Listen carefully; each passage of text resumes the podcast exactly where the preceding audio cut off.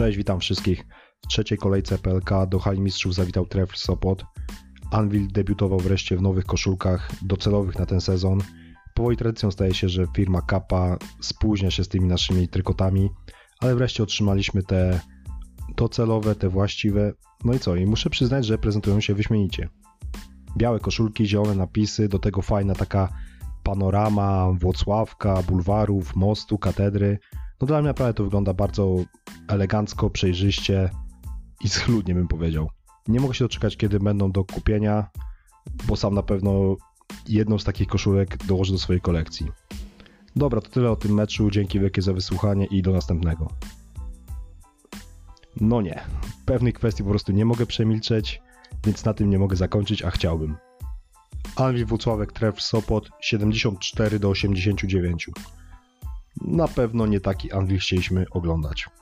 Do pewnego momentu wszystko wyglądało może nie perfekcyjnie, ale naprawdę solidnie. Byliśmy stroną przeważającą. Dominowaliśmy w pewien sposób. Jeszcze w trzeciej kwarcie utrzymywaliśmy przewagę około 10 punktów, ale przyszedł moment i wszystko się załamało. Mając w głowie niedawny mecz, mecz ze startem Lublin, myślałem sobie, dobrze byłoby dobić teraz tą ekipę z Sopotu, żeby później uniknąć ewentualnej nerwowej końcówki i powtórki z nieprzyjemnej rozrywki. No ale Anvil nie dobił rywala, a wręcz przeciwnie. W pewnym momencie totalnie stanęliśmy, przestaliśmy grać w koszykówkę. Każda kolejna akcja wręcz jakby pozbawiała nas sił, a tref, a tref wręcz przeciwnie. Każda kolejna akcja, mimo straty punktowej, jeszcze bardziej nakręcała, dodawała wiatru w ich żagle, a my z tym nic nie zrobiliśmy. Powoli, stopniowo upadaliśmy, a trener Dejan Michewc nie miał pomysłu, jak to zatrzymać, a jeśli miał jakiś pomysł, to ten pomysł był bardzo nieskuteczny. I takim sposobem tref krok po kroku najpierw nas dogonił, a później przegonił, by na końcu, nie boję się tego słowa, rozbił. Po prostu w końcówce meczu to wyglądało jak starcie zespołów z różnych lig. Goście nas no ostro naprawdę pojechali i byli po prostu lepsi. W końcu za to już bawili się tą koszykówką i przykro było na to patrzeć. Zero reakcji z naszej strony i to najbardziej boli. Z minuty na minutę, a wręcz sekundy na sekundę coraz bardziej popadaliśmy w ten marazm, który prowadził po prostu do nieuniknionego, nieuniknionej klęski. Wynik czwartej kwarty mówi za siebie, bo przegraliśmy 11 do 27, z czego większość swoich punktów zdobyliśmy już w momencie, gdy mecz był rozstrzygnięty. Co najbardziej kulało w Anwilu? No naprawdę wiele kwestii. To spotkanie z Treflem było dla mnie takim swoistym papierkiem lakmusowym, który pokazał prawdziwą wartość tej drużyny. Wiem, że to niby dopiero początek sezonu, ale już pewne wnioski można, wręcz trzeba wyciągnąć. Momentami strasznie wyglądała nasza organizacja gry, a właściwie jej brak. Nie wyglądaliśmy po prostu jak drużyna, bo przeprowadziliśmy stanowczo zbyt wiele akcji totalnie bez pomysłu. Często te nasze ataki były zbyt statyczne, ta gra totalnie była nieprzemyślana. Nieprzemyślana, do tego zbyt wolna. Kilka razy mam wrażenie, że sędziowie, nie wiem, z dobroci serca nie odgwizdali nam błędu 8 sekund, bo mieliśmy nawet problem, żeby przeprowadzić piłkę ze swojej połowy. To wszystko generowało zupełnie niepotrzebne straty, których tym razem zanotowaliśmy 18. Dużo, dużo za dużo, ale przy takim graniu nie można niczego innego oczekiwać. W tym miejscu wracam do problemu, o którym mówiłem już na etapie budowy składu, a mianowicie mam na myśli brak typowych, klasycznych rozgrywających, brak ludzi, którzy po prostu pograją coś z piłką, usta ustawią naszą grę i pociągną w pewien sposób zespół. Jest Dayshon Booker, który w obecnym Anvilu wydaje się takim najmocniejszym punktem, ale też nie jest idealny. Z rozgrywaniem jednak radzi sobie najlepiej i tutaj to chyba nie podlega wątpliwości żadnej. W ataku potrafi być wręcz demonem, trafiać niesamowite rzuty. W meczu z Treflem chyba w trzeciej kwarcie rzucił 3 trójki, a przez całe spotkanie zbierał 15 punktów i 6 asyst i to wygląda bardzo fajnie. Ale Booker ma też swoją taką gorszą stronę. Pierwsza kwestia to straty. Cały czas ma z tym problem, cały czas zdarza mu się podać niedokładnie piłkę. W meczu z Sopocianami miał 5 takich strat. A druga kwestia to obrona. W defensywie Booker często przypomina tyczkę i myślę, że trener Michewc ma tego świadomość i dlatego od początku sezonu starał się jakoś to zakamuflować, ale rywale coraz częściej będą z tego korzystać. Tak grał właśnie Tref, ostro atakował Bookera odważnie i to przynosiło im spore korzyści. No dobra, Booker ma te swoje plusy, ma swoje minusy, ale i tak jest najlepiej radzącą sobie osobą z piłką w tej ekipie. Poza nim mamy wielką dziurę. Wcześniej trener Michew tę dziurę próbował łatać moim ulubieńcem Trebasejem, ale chyba sam sobie zdał sprawę, że to nie ma sensu. I w meczu z Treflem trochę niespodziewanie, już w pierwszej kwarcie na boisku pojawił się Andrzej Pluta. No i tutaj można powiedzieć, no młody koszykarz, widać, że pełen takiej energii, chęci do gry. Miał niezłe wejście, dawał radę, wyglądało to obiecująco. Gorzej było jak wrócił na parkiet w drugiej połowie i jego dwa pierwsze posiadania piłki skończyły się dwoma stratami.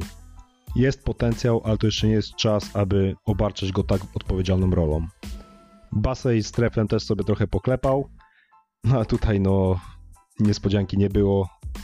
Jedna udana akcja, nieudanych nie liczyłem, nie wiem ile, ale na pewno więcej.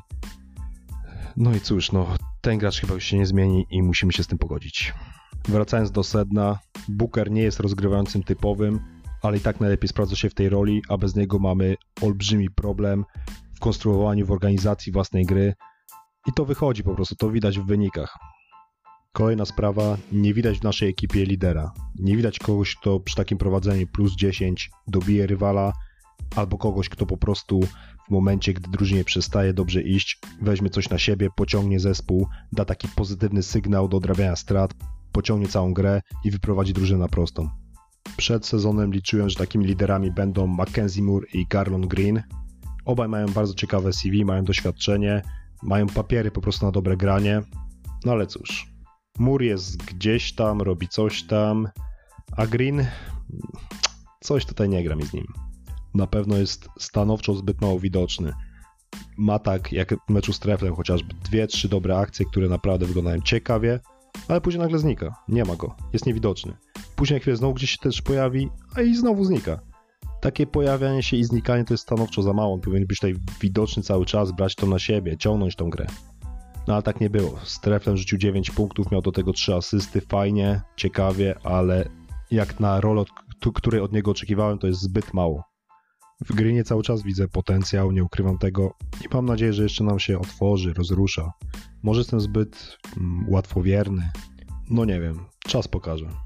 W meczu z Treflem takim wymarzonym liderem mógł być Przemysław Zamojski, który w samej pierwszej kwarcie ustrzelił cztery trójki. Myślałem, że to będzie rewelacyjny występ Zamoja, no ale później nam przycichł.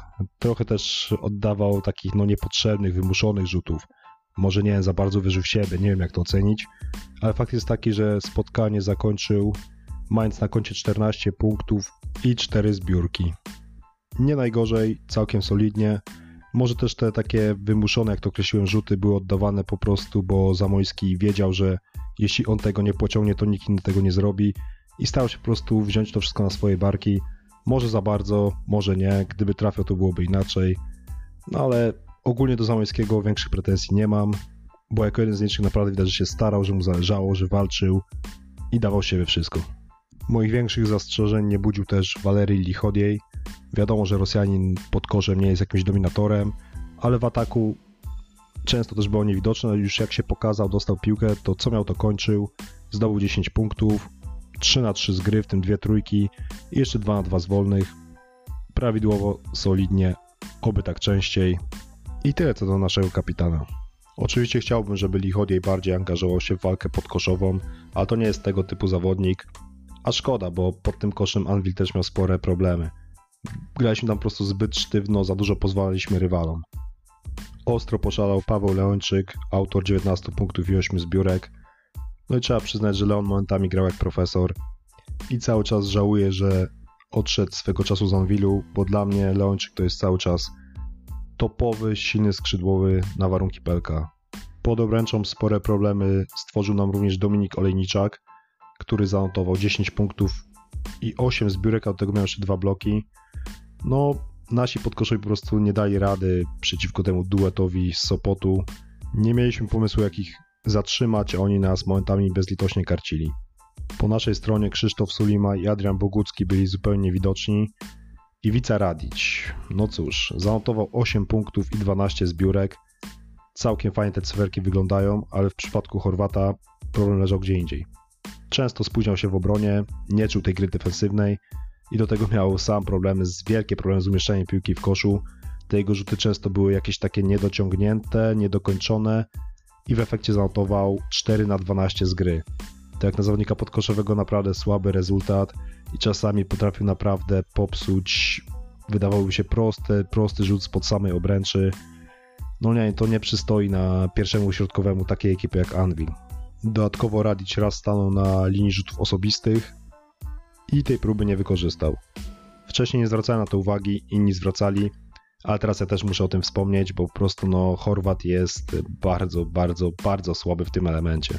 Przez lata narzekaliśmy na Josipa Sobina, a w obecnym sezonie Iwica na linii rzutów wolnych ma, uwaga, 2 na 11, co daje jakieś 18% skuteczności.